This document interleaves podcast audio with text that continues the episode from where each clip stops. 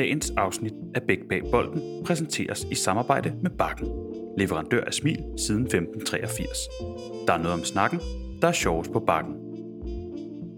Velkommen til Bæk Bag Bolden, som, hvis der er nogen, der skulle have lyttet med andre gange, så ved I det godt, men som handler om fodboldens hverdag. Ikke om kampene, men alt det, som normalt ikke er synligt for de fleste. Og øh, nu sidder jeg faktisk på et stadion, hvor der er blevet spillet rigtig mange kampe. Lyngby Stadion. Og jeg har også tabt en hel masse herude, kan jeg huske, gennem årene. Øh, men det var ikke til dig, Freja Alexandersson. Goddag, og tak fordi du var med. Ja, goddag. Du er cheftræner i Lyngby, og øh, har en ret bred trænerbaggrund, og som du lige også pointerede for mig, inden vi startede, også i det øvrige erhverv, det øvrige erhvervsliv, i det rigtige liv. Ja, i det rigtige liv. Og det danner rammen om, om det, jeg håber, vi kommer til at snakke om, nemlig din hverdag i ledelse, ledelse af fodboldspillere, og som du nævner for mig også i den familievirksomhed, du var en del af, øh, og var med til at bygge op for, for nogle tid tilbage på Island. Og, øh, og det er, hvad jeg har taget med i min lille pose. Så kan det være, at du siger noget andet, og så snakker vi om det. Ja. Men det er i hvert fald mit fromme ønske.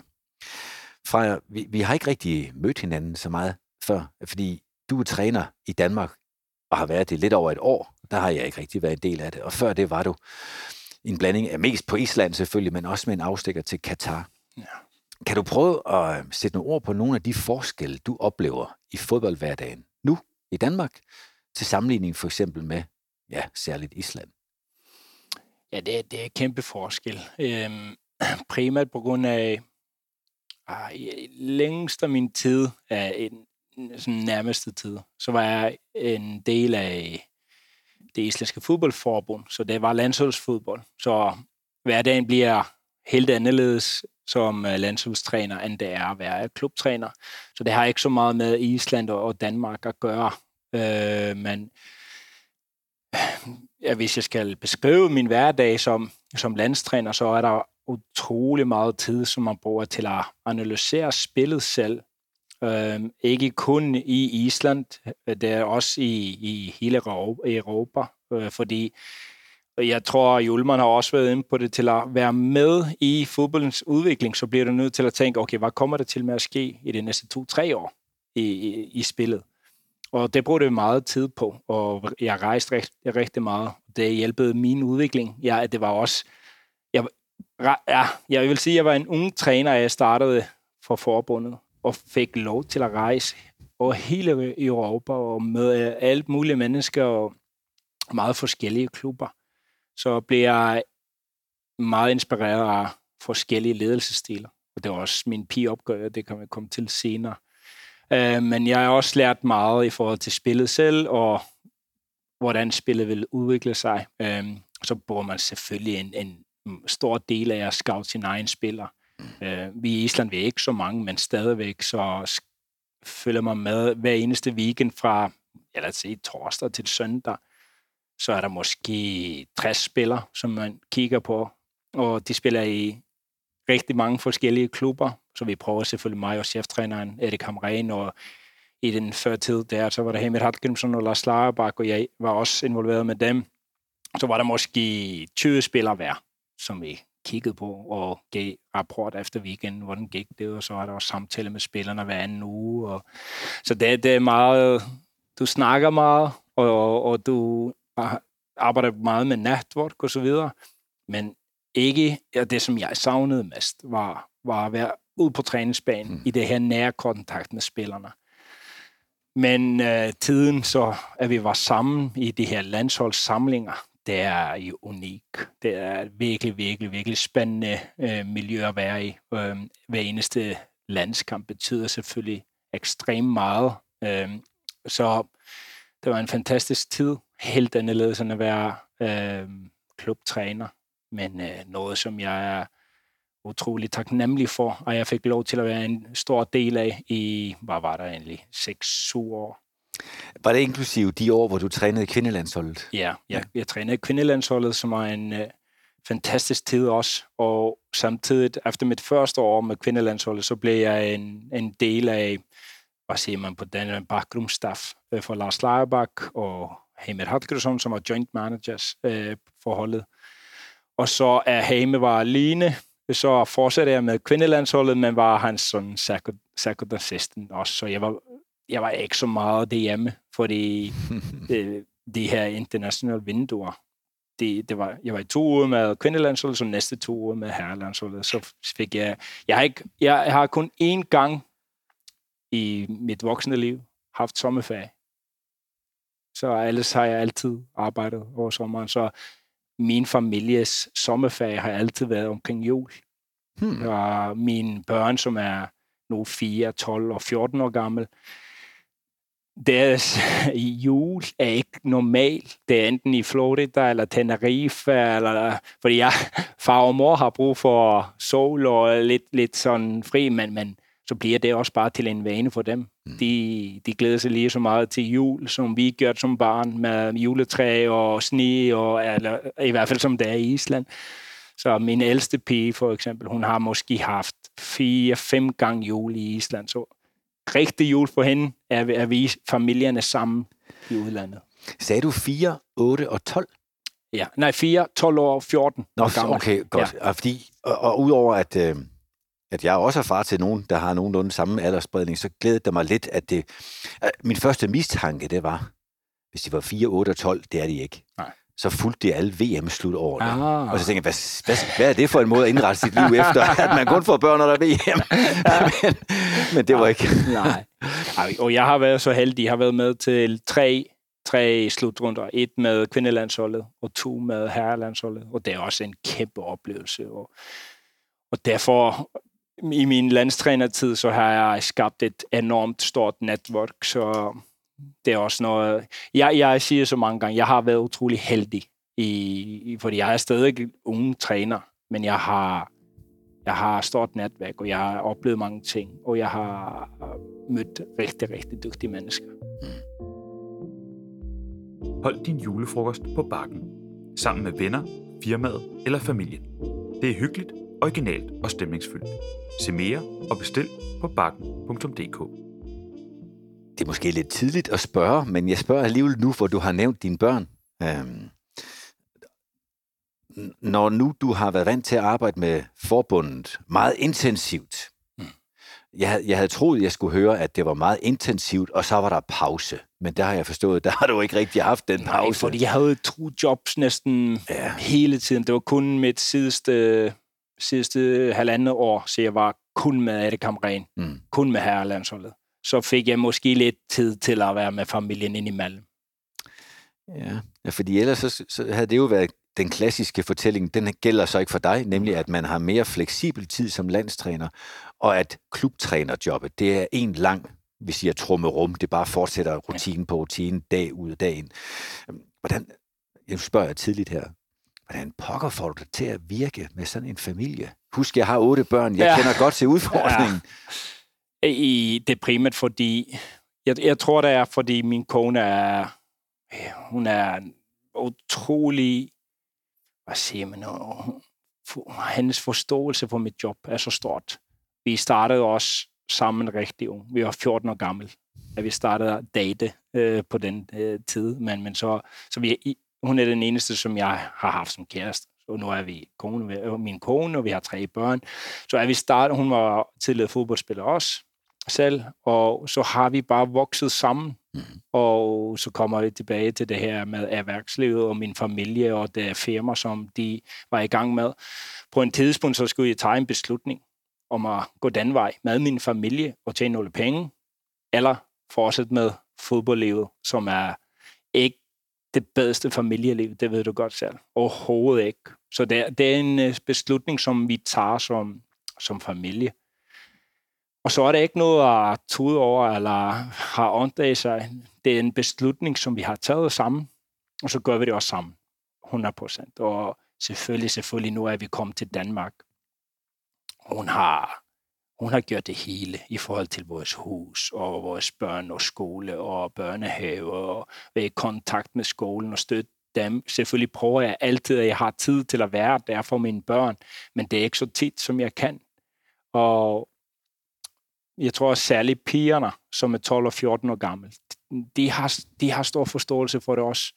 og de kommer herud på Olympisk Stadion hver gang og støtter holdet, og er en del af det her og prøver at opleve det med os, og øh, min kone var med til øh, to og tre slutrunder. Hun var ikke med til Rusland. Øh, pigerne var med til øh, kvinde, kvindeslutrunden i Holland. Så de for, vi prøver også at give dem oplevelser omkring fars job.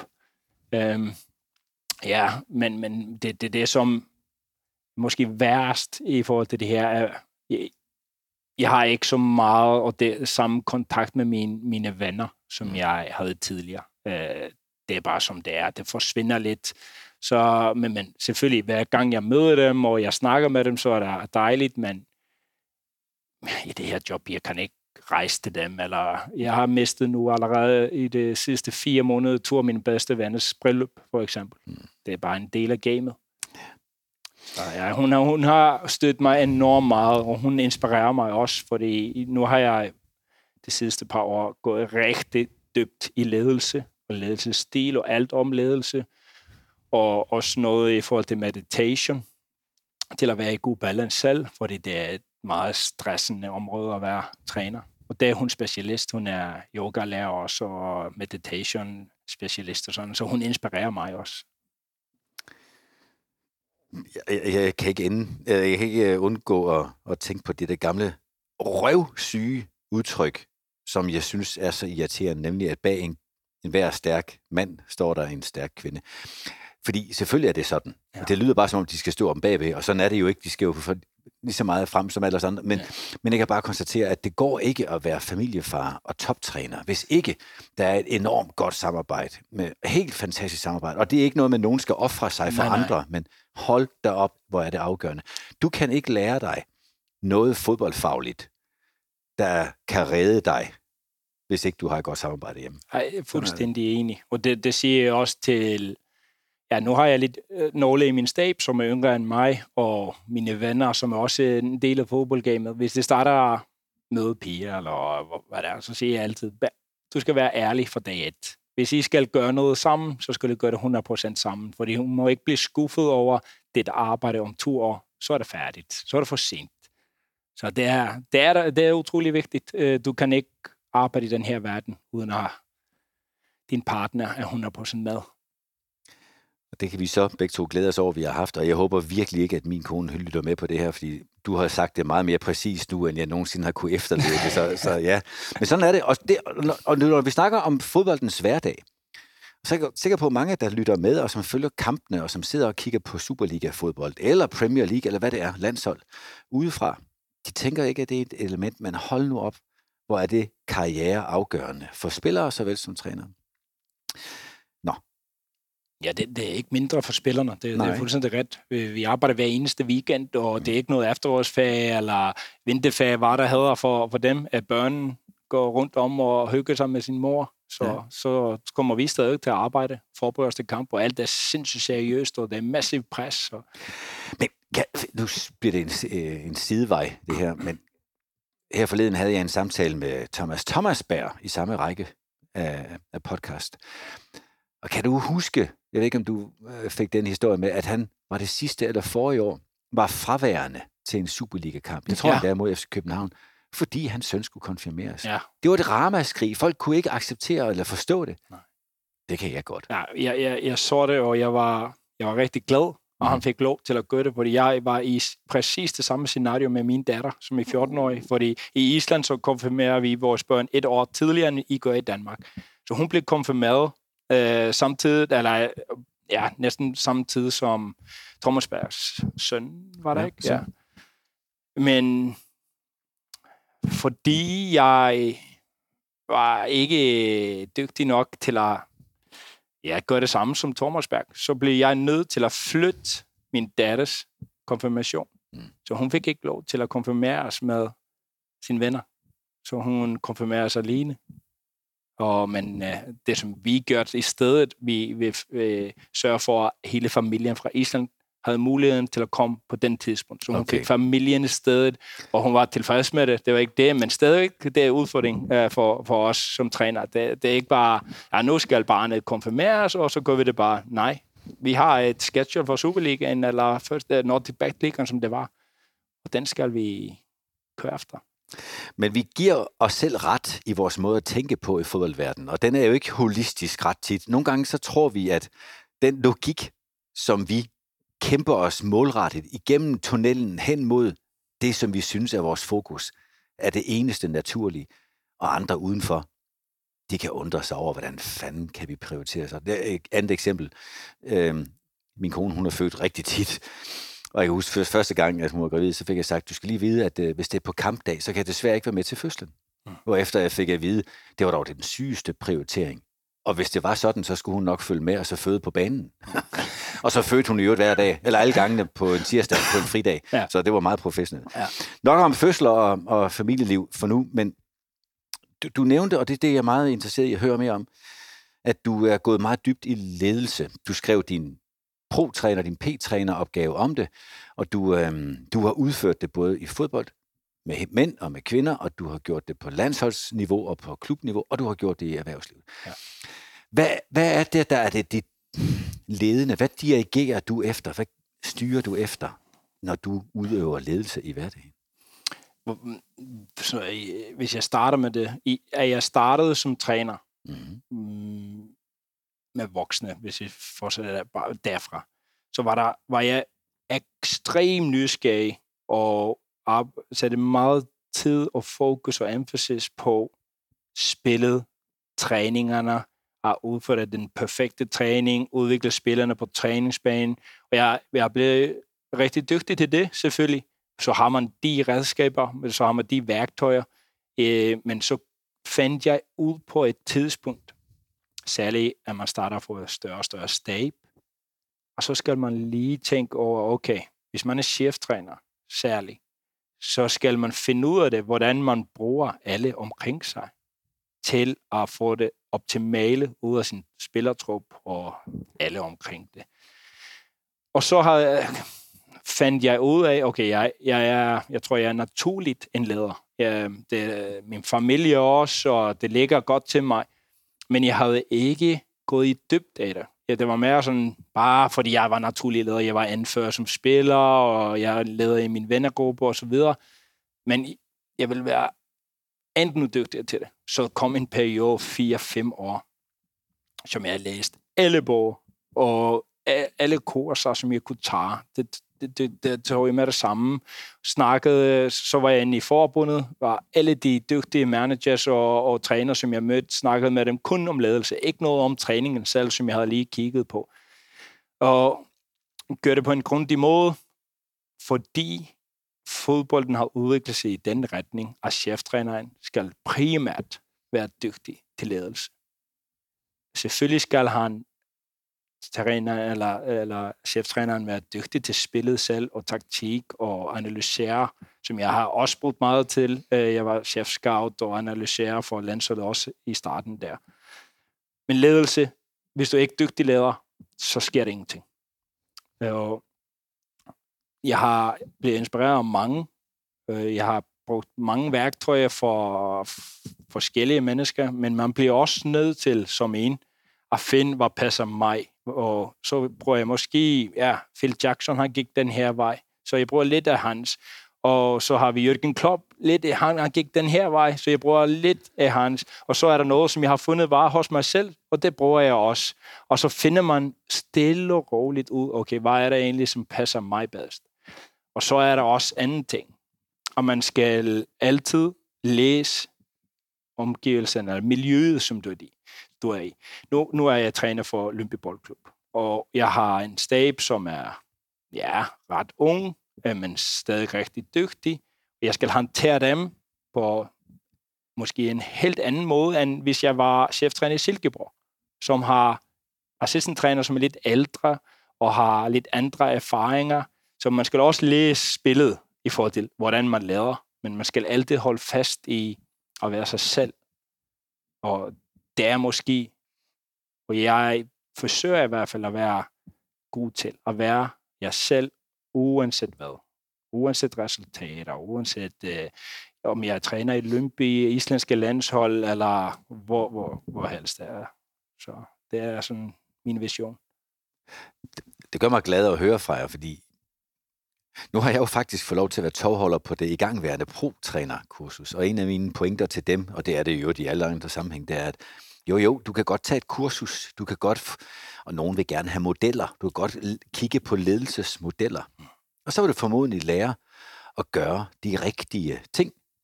Men det, jeg hører dig fortælle om, det er, at når du vender blikket indad og læser det miljø, du er i, så får du adgang til at gøre ting rigtigt, som er noget helt andet. Ja. Og det vil sige, at stort kendskab til dig selv og til det miljø, du er i, er helt afgørende for den ledelsesstil, du skal ja, praktisere. det synes jeg. Og ja, jeg får tit det her spørgsmål, hvad med, hvad med din rollemodel som, som leder for eksempel, eller som træner? Mm. Det, det, det har jeg rigtig svært med at pege på, fordi hvis jeg skal starte, så er der så mange i min rejse de sidste 10-15 år som, som træner, så har, er der bare så mange, som har inspireret mig, og jeg har været altid, og det skal man altid være, synes jeg, nysgerrig, observative, i forhold til at finde ud af, okay, hvordan kan jeg tage noget fra ham her, eller hende her. Det er en kvindetræner, som arbejder i Sverige nu, som jeg var ekstremt meget inspireret af. Mm. Så man spørger med et navn? Elisabeth Gunnarsdott, det hedder ja, hun. Hun ja. er træner for Christianstad. Ah. Og har været der i 15 år nu. Mm. Øh, mest dedicated uh, træner, som jeg har været omkring. Og hvorfor? Hvis du, og heldigvis, heldigvis fik jeg lov til i min start som træner at være omkring piger. De kæmper for det hele. De tager intet som givet. Det er det uanset om at de har samme trøje som herrene, eller baner, eller for opmærksomhed, hvad der er. Og så kan man bare mærke, wow, det her er ren desire for at være med i spillet. Det handler intet om penge, intet om opmærksomhed som en, eller, eller være en stjerne. Det er bare for at være en fodboldspiller. Og det, det motiverer mig sindssygt meget. Hvordan hun, Elisabeth, arbejdede, det var, det var meget inspirerende. Fordi jeg har lært masser, masser for hende. Ikke så meget om, jeg kan ikke huske, om vi spillede 4-4-2 eller 3-5-2, eller hvad der var. Mm-hmm. Men jeg kan huske, hvordan hun var som, som leder. Jeg tænker, det er det samme for alle os, der har engang gået i skole og ikke kan huske, hvad vi lærte. Men vi kan jo huske de lærere, Præcis. der var mest, mest dedikerede og som kunne øh, dele passion med os. Ja. Sådan er det vel også med trænere, tænker ja. jeg. Hmm. Så når du kigger ind på dit lederarbejde som træner, lige nu træner, mm. vi kan også vende tilbage til den familievirksomhed, du talte om, men som træner, så har du nævnt, der er noget fodboldtaktisk. Jeg tror også, øh, ej, du har egentlig ikke sagt noget om de andre ting, men, men det altafgørende, som du siger det, det er, det er at kunne lede de andre mm. trænere og spillerne. Hvad er det, hvis du, det er sådan en quiz-ting at stille op på den her måde måske. Hvad er det allervigtigste for dig så, når du skal lede dem? Hvad er det allervigtigste at sikre, at der finder sted? Det vigtigste er clarity, at være, som jeg siger, min første dag til staben og spillerne. Vi skal ikke have nogen gray areas. Det skal være ærlighed, og være ærlig fra dag et, som jeg har ikke det danske ord, authentic. Ja, det er det samme. Ja. Autentisk. Ja. Bare tør at være authentic. I, uh, bliv dig selv, ligesom jeg kommer til med at være jeg selv. Men jeg kommer også til med at være rigtig, rigtig ærlig til alle spillere og stab. Det skal jeg acceptere. Og det, som jeg kunne mærke, uh, det som de beskriver måske at være ærlig, være at få en skideballe. Øh, det, det er ikke det, som det handler om. Mm. Det handler om at tør at sige tingene, som det er. Og vi behøver, særligt med staben, ikke at være enige. Men så skal vi bare tage en diskussion om det. Og så finder vi nok øh, ud af det samme, hvad det er, som vi skal være enige om. Og hvis vi kan ikke være enige, så er der mig, som tager beslutningen til sidst. Men vi skal i hvert fald forsøge om, at vi kan være enige. Og det er alfa og omega i at være en leder, synes jeg. At være dig selv, være, ja, selvfølgelig modig, men lad være med at have gray areas, fordi det er ingen, som kan være tryg, hvis du ved ikke, hvor, hvor du har en. Så starter du at være i tvivl om dig selv, være i tvivl om, okay, hvordan kommer han til med at reagere til, til det her forslag, som jeg har? Hvordan spillerne for eksempel, hvordan reagerer Fred, hvis jeg kommer og siger til ham, at jeg synes, øh, træningerne er ikke været gode nok. Ja, nu bruger jeg bare noget eksempel. Eller taktikken være åndssvag, eller hvad det er. Det skal ikke være bange for det. Men jeg kommer til med at virkelig ud for dem. Okay, hvorfor? Hvor, hvorfor kan vi gøre anderledes? Men det er sindssygt vigtigt, at spillerne tør at komme, at de føler, føler sig trygt med at snakke med sin træner. Mm. Jeg ved godt, at de, som er 50 eller ældre i, i branchen, at det var ikke sådan for 10 år siden. Det ved jeg godt. Men verden har udvikler sig sindssygt meget. De mennesker, som kommer op nu, som er opvokset i de miljøer, de unge spillere, som jeg har, jeg har lige snakket for eksempel med Gudkær Rømer i dag, som er, har er helt anderledes opvokset som fodboldspiller, end de, som er 19-20 år gammel i min trup. Så jeg bliver nødt til nogle gange at snakke helt anderledes til de unge, end jeg gør til Rømer og Gudkær. Jeg kan være ekstremt direkte til Rømer og Gudkær, men jeg skal forklare det hele til de unge, fordi de har så meget vidne. De er så de øh, informationer, som de har været bombardet med i deres opvækst, er så enormt meget mere end Gudkær, Brian Hammerlein, Bjelland og de ældre har haft eller fået. Så, men præcis den her del af at være træner eller leder, det elsker jeg bare og udvikle spillerne, og, og det er så forskelligt. Det er så mange forskellige mennesker i en trup. Det er så mange forskellige typer i en, en stab, en spillertrup. Og man kan ikke håndtere alle ens, men det er klare retningslinjer, som alle skal gå efter. Som hold, som klub. Når du, du snakker om tydelige retningslinjer, mm. er der så en risiko for, at jeg tænker, de retningslinjer kommer fra dig. Ja. Er der en risiko for, at nogle føler sig... Ja, i Danmark taler man om et oplyst enevælde, altså hvor chefen bestemmer alting, og han bestemmer det bedst, hvis han får nok at vide, altså for stor viden. Men det er ikke til diskussion, hvad der bliver leveret. Når du taler om klare retningslinjer, er det så upåvirkeligt? Kan det, kan det ændres af spillere? Ja, det kan det hvis spillerne kommer med noget til bordet, som giver mening. Jeg hører efter. Jeg måske giver jeg ikke svar med det samme, men jeg tænker over det. Jeg tager det måske med min stab. Det, det tror jeg, jeg vil nok gøre. Og hvis jeg, vi synes, okay, det her kommer til med at hjælpe os i forhold til at udvikle spillerne, det er en god idé, så lad os gøre det. Mm. Øhm, sidste uge for eksempel, vores træningsbaner her, det er ikke så god så skulle vi tage en beslutning. Skal vi på kunst allerede nu, eller skal vi fortsætte på det mindre gode bane? Det betyder, hvis vi træner på det mindre gode baner, så skal træningstid lidt længere ned, og sådan short and sharp træninger hele ugen, og kvaliteten dropper fuldstændig. Alle går på kunst, og vi kan få hurtige pasninger, Silkeborg og Nordsjælland spil, og det, det er pisse sjovt også. Men snak med spillerne først. Hvad, hvad synes dem? De vælger at blive på græs. En uge mere. De ved godt, hvorfor eller hvordan banen er, men det er det, som de vil hellere, end at gå på kunst allerede nu, fordi så træner vi på kunst i 3-4 måneder. Færre. Men så har det også været sådan, banen har været rigtig dårlig den her uge, men de har slet ikke brokket sig overhovedet. Hvorfor? Det var deres mm. beslutning. Mm. Så, men stadig var det ikke deres beslutning. Det var min beslutning. Ja, det var nemt for mig at sige, nej, nej, vi træner på kunst, men nu var der ownership i den her beslutning. Ja. Og så kommer der ikke en negativ energi, og faktisk har træningsugen været rigtig god. Men den havde ikke været så god, hvis jeg havde sagt, I skal træne på den her lortebane. Nej. Og så skal man også, når man byder dem op til dans, mener jeg, så skal man også lytte til, hvad de siger, for ellers er det manipulation jo. Ja, præcis. Og det, og det, det tror jeg ikke går. Nej, jeg, du, du spurgte mig tidligere om forskel mellem Danmark og Island. Ja. Det er en en ting, som jeg har lagt mærke til. Uh, det har blevet bedre, men at vi har for eksempel evalueringsmøder, så er jeg vant til, særligt med det islandske øh, landshold, øh, kvinder og, og herrerne også, og hvis vi går igennem noget, for eksempel, hvordan man beskytter sidste tredjedel halvspagsløb eller noget, så vi sender klip, det her var ikke godt nok, vi, vores aftale er sådan og sådan, øh, hvordan kan det gøre det bedre? Så er der måske to-tre i Island, som kommer bare med svar med det samme. Danskerne, jeg har rigtig svært med at få dem til at komme noget. Det, for det, men, men hvis jeg sidder med en til en og snakker med dem, så, så kommer der masser af ting. Men inde i et større forum, så holder det sig lidt tilbage. Og det kunne jeg også mærke på mit pro-license, at jeg var kun med danskere. Det var ikke så mange, som kom med noget til bordet. Så altså, det, det har overrasket mig lidt, men jeg ved ikke, hvorfor det er. Måske ved du det.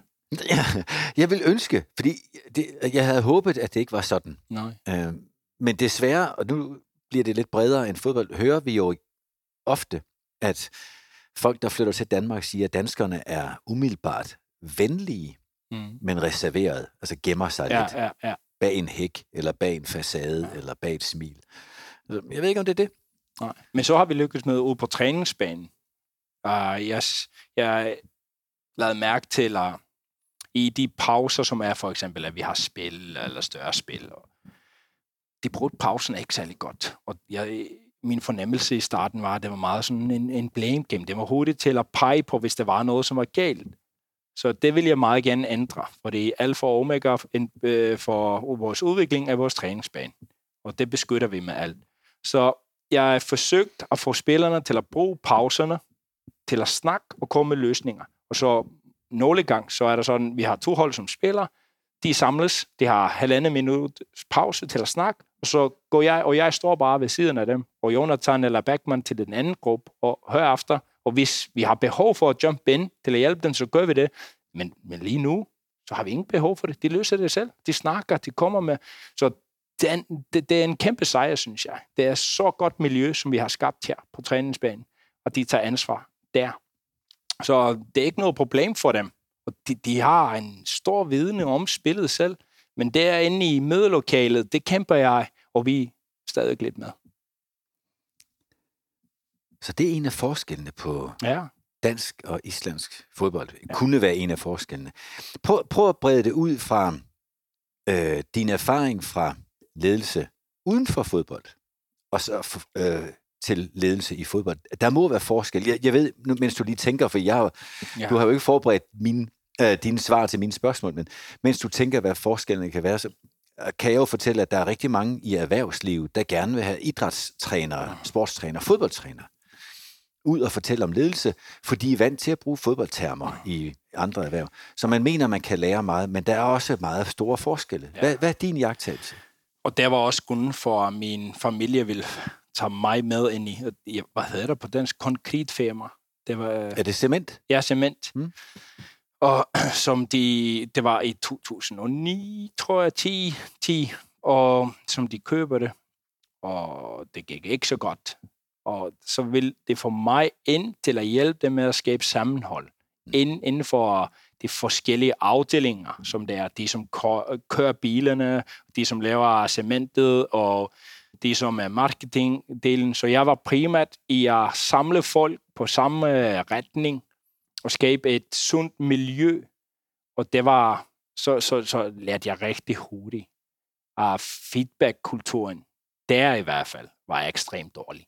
Det var bare sådan, ja, det var næsten, den var næsten non-existent. Uh, så det var noget, som jeg, og det var det er nemt for os i forhold til feedback og evaluering og sådan, det er vi rigtig dygtige til i fodboldlivet. Og det, så det var noget, som vi uh, øh, arbejdede meget med. Men så som jeg lærte mest selv af fra dem, var i forhold til marketing. Så jeg fik lov til at gå meget ind på marketinglinjen der, og hvordan man kan lave et brand uden jeg mener, et cementfirma, det er ikke så nemt at lave et brand. men, men lige pludselig, jeg, tror, du kan ikke snakke med nogen i Island, uden at de kender stabestøden, hedder det. Fordi det, det, vi vendte bare, ja, vi var rigtig dygtige til det, og det gør vi med at skifte farve, for eksempel, så bilerne i stedet for at være meget grimme, så lige pludselig var der en, øh, øh, løserød og, og gul biler, som kørte om byen, så du, du, du kunne ikke andet end at lægge mærke til dem. Og så blev det sponsor for næsten alle, alle klubber i hele landet. Bare sådan små, små øh, støtte.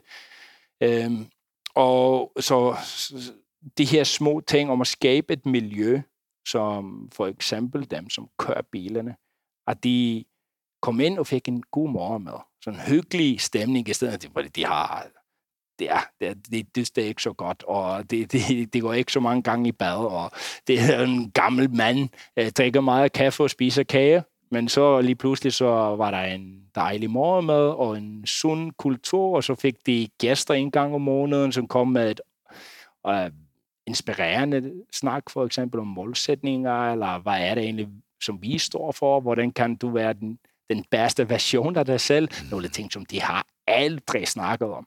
Og det virkede.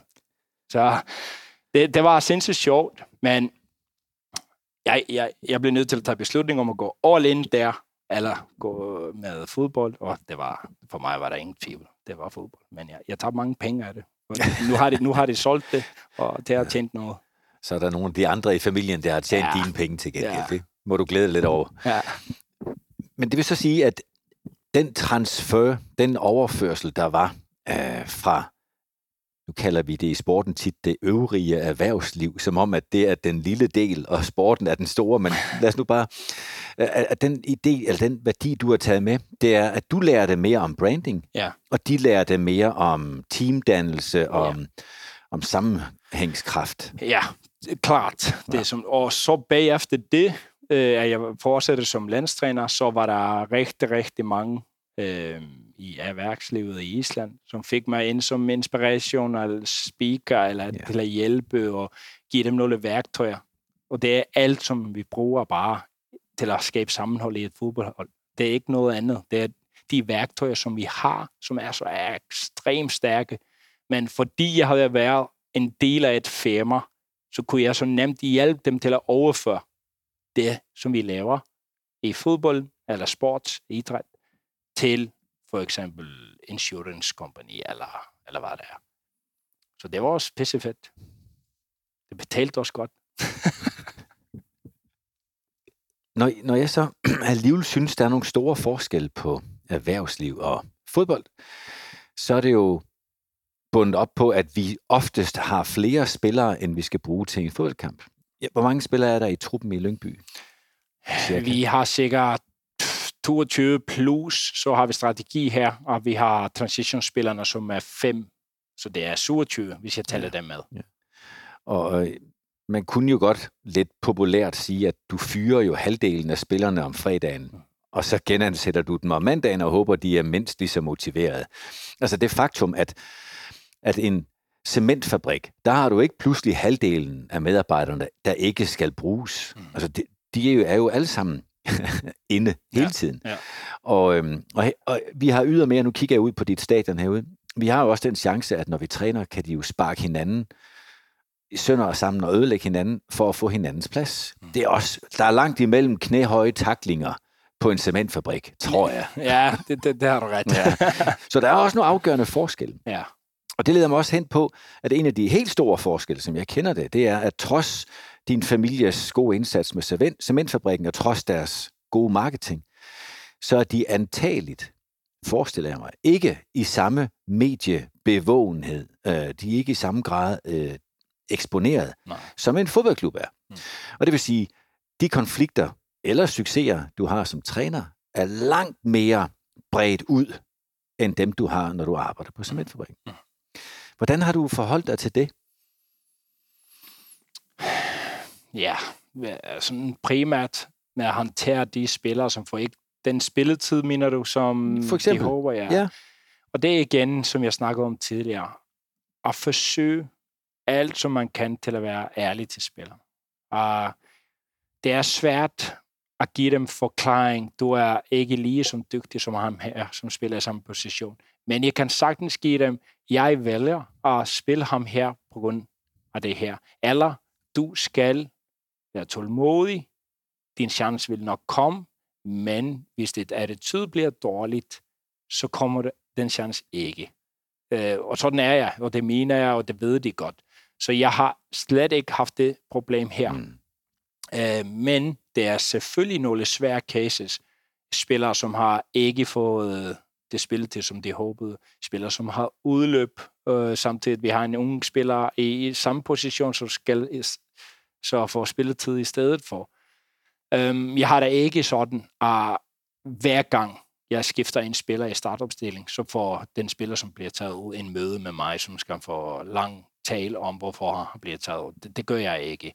Men jeg, jeg, jeg forsøger at give alle, som har brug for forklaring, bedst mulig forklaring, og den er altid ærlig.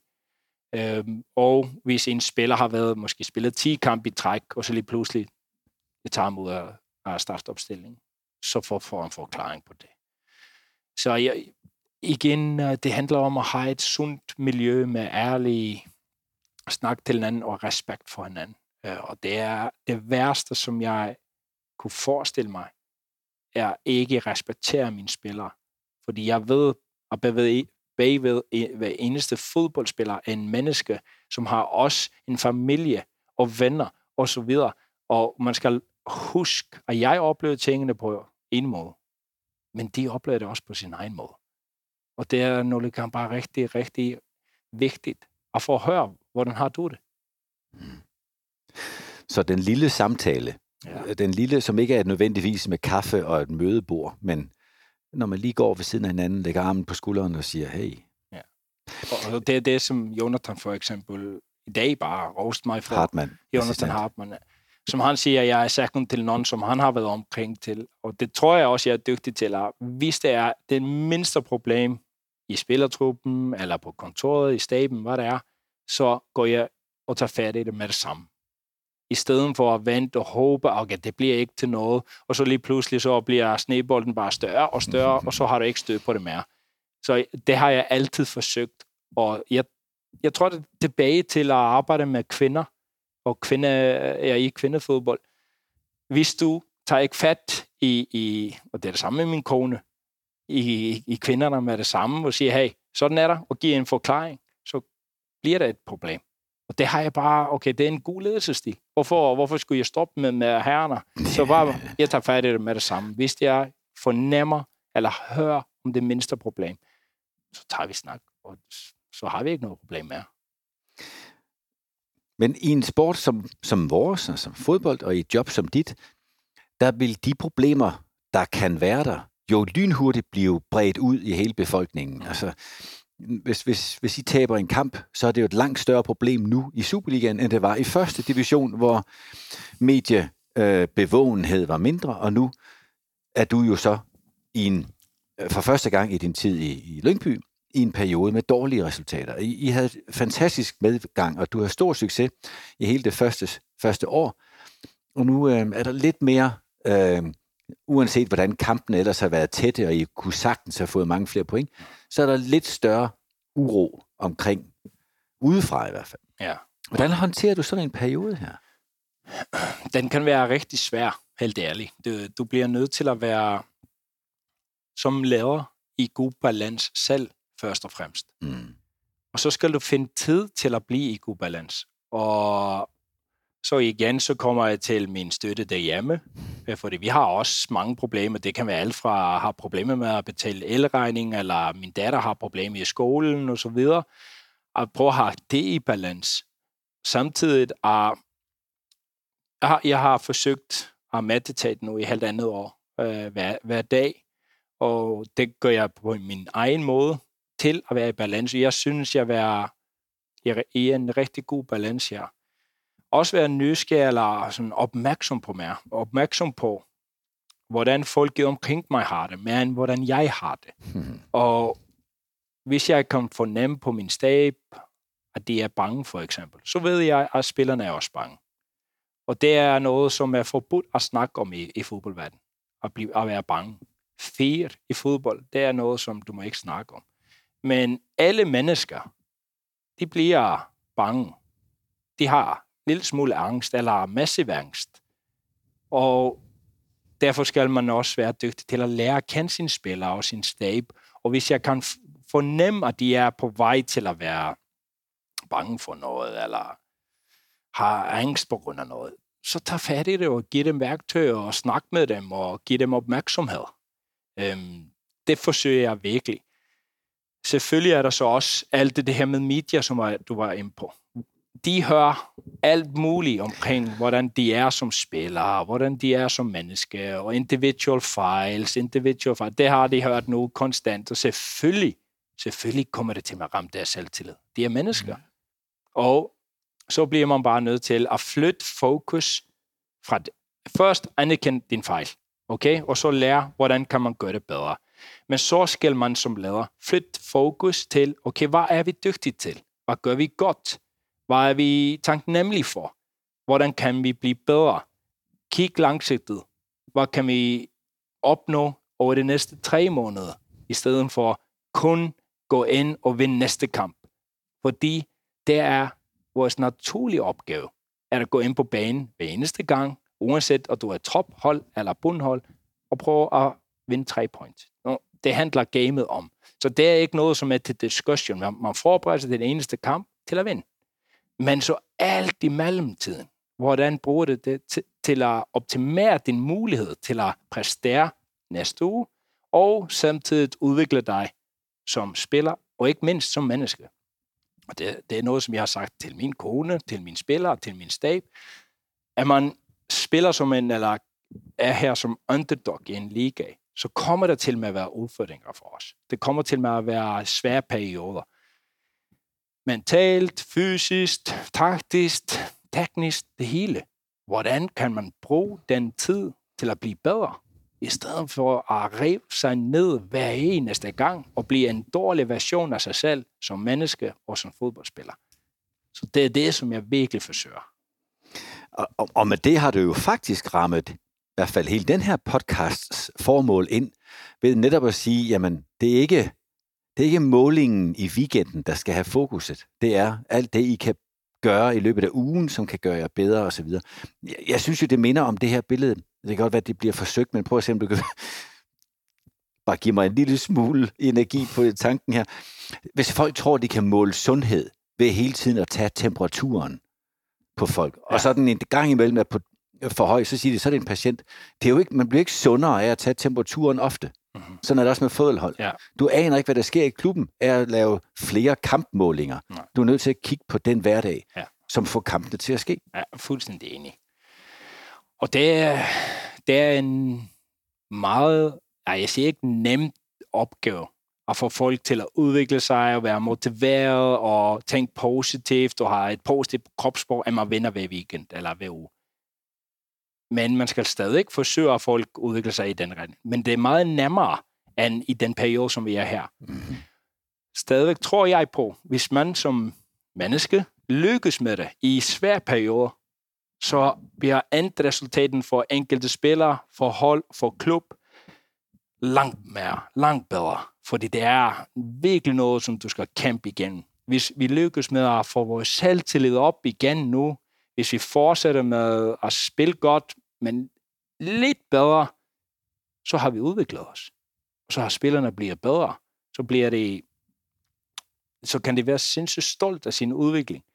Men det, som de bliver bombarderet med, er selvfølgelig Superligans tabellen. Det er points. Nu har vi ikke vundet kamp.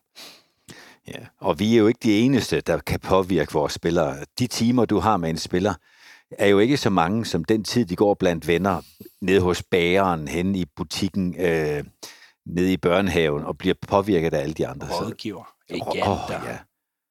og, og jeg vil nu nævne de agenter. Det er rigtig, rigtig mange dygtige, gode agenter. Men det er lige så mange rigtig, rigtig farlige, dårlige agenter. Det, det er bare som det er i, i fodboldverdenen. Så jeg har ikke noget imod agenter. Jeg har rigtig godt forhold til mange, men jeg har også oplevet rigtig, rigtig dårlige agenter. Hvad kunne være en... Hvad, hvad kan det gøre en agent dårlig? Hvilken handling?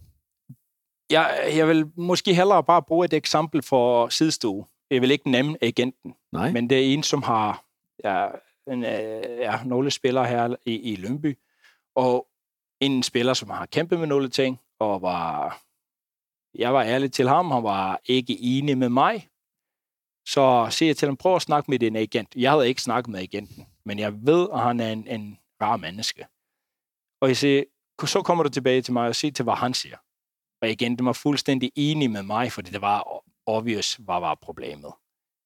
Men hvis det var en agent, som vil meget gerne sælge ham videre, bare gå ud af klubben og få lidt penge i, i næste transfervindue, så vil han sige det modsatte. Mm. Til at fortsætte med, at den her spiller, ah, han skal være skuffet til træner, vi skal ud af den her klub, jeg skal tjene lidt penge. I stedet for, var den her gode agent, han var dygtig nok til at stå stærkt og sige, nej, kære dreng, det er forkert, som du siger, lyt til din træner, han har gjort så meget for dig, og du skal bare fortsætte med den retning, som I er i. Så det, det er sådan et eksempel af en, som har sundt mindset, som er, som er tænker ikke kun om at tjene i næste transfervindue nogle enkelte kroner. Det handler, det handler om at udvikle sin produkt på den langsigtede bane. Og den langsigtede bane er jo under konkurrence med et, vores resultater, for de er der nogle gange, to gange om ugen. Mm-hmm. To, at der er en kæmpe stor utålmodighed blandt ikke bare fodboldspillere, men i hele miljøet. Altså, når du har sagt til en spiller, at han er på bænken, eller ikke er i truppen, fordi han skal øve det og det og det, så kommer han garanteret til dig en uge efter og siger, nu har jeg øvet det, hvorfor er jeg ikke med? ja. og det samme med agenter. Hvis du ikke er på hold nu, efter tre uger, så må vi skifte klub. Og så har vi de her nomader, der flytter for tit til de... Altså fordi udviklingen sker jo ikke i øjeblikke. Det sker i lang ja. forløb. Ja. Og det er et kæmpe problem. Nå, men det kan vi to godt blive enige om. Øhm, jeg skal også lige gribe chancen og sige, når vi snakker tålmodighed, mm. så har du været meget tålmodig med mig. Det folk ikke ved, når vi sidder her på Lyngby Stadion. Solen er for længst gået ned. Ja. Der er vældig mørkt. Jeg kan snart ikke se dig. Og jeg ved, det er fredag aften, og dine tre børn og din kone ja. har formodentlig fortjent, at du også kommer hjem. Så, Freja, jeg vil gerne sige tusind tak for din øh, meget værdifuld indblik i, hvordan en træner, hvordan din hverdag som træner ser ud, og hvordan du praktiserer ledelse. Og det har gjort mig klogere. Tak skal du have. Ja, det var en kæmpe fornøjelse. Tak for at have mig med. Vi kan gøre det igen en anden gang, jo. Ja. Tak, tak skal det. skal du have. Og til jer, der lytter med, I kan også gøre det en anden gang. Det sker tirsdag efter tirsdag, øh, og det gør det blandt andet på grund af den indsats og hjælp, der finder sted fra partnerne så til. Tak skal I have på tværs af alle interesser. Vi snakkes ved. Dagens afsnit af Bæk Bag Bolden var præsenteret i samarbejde med Bakken, leverandør af smil siden 1583. Der er noget om snakken. Teambuilding er bedst på Bakken.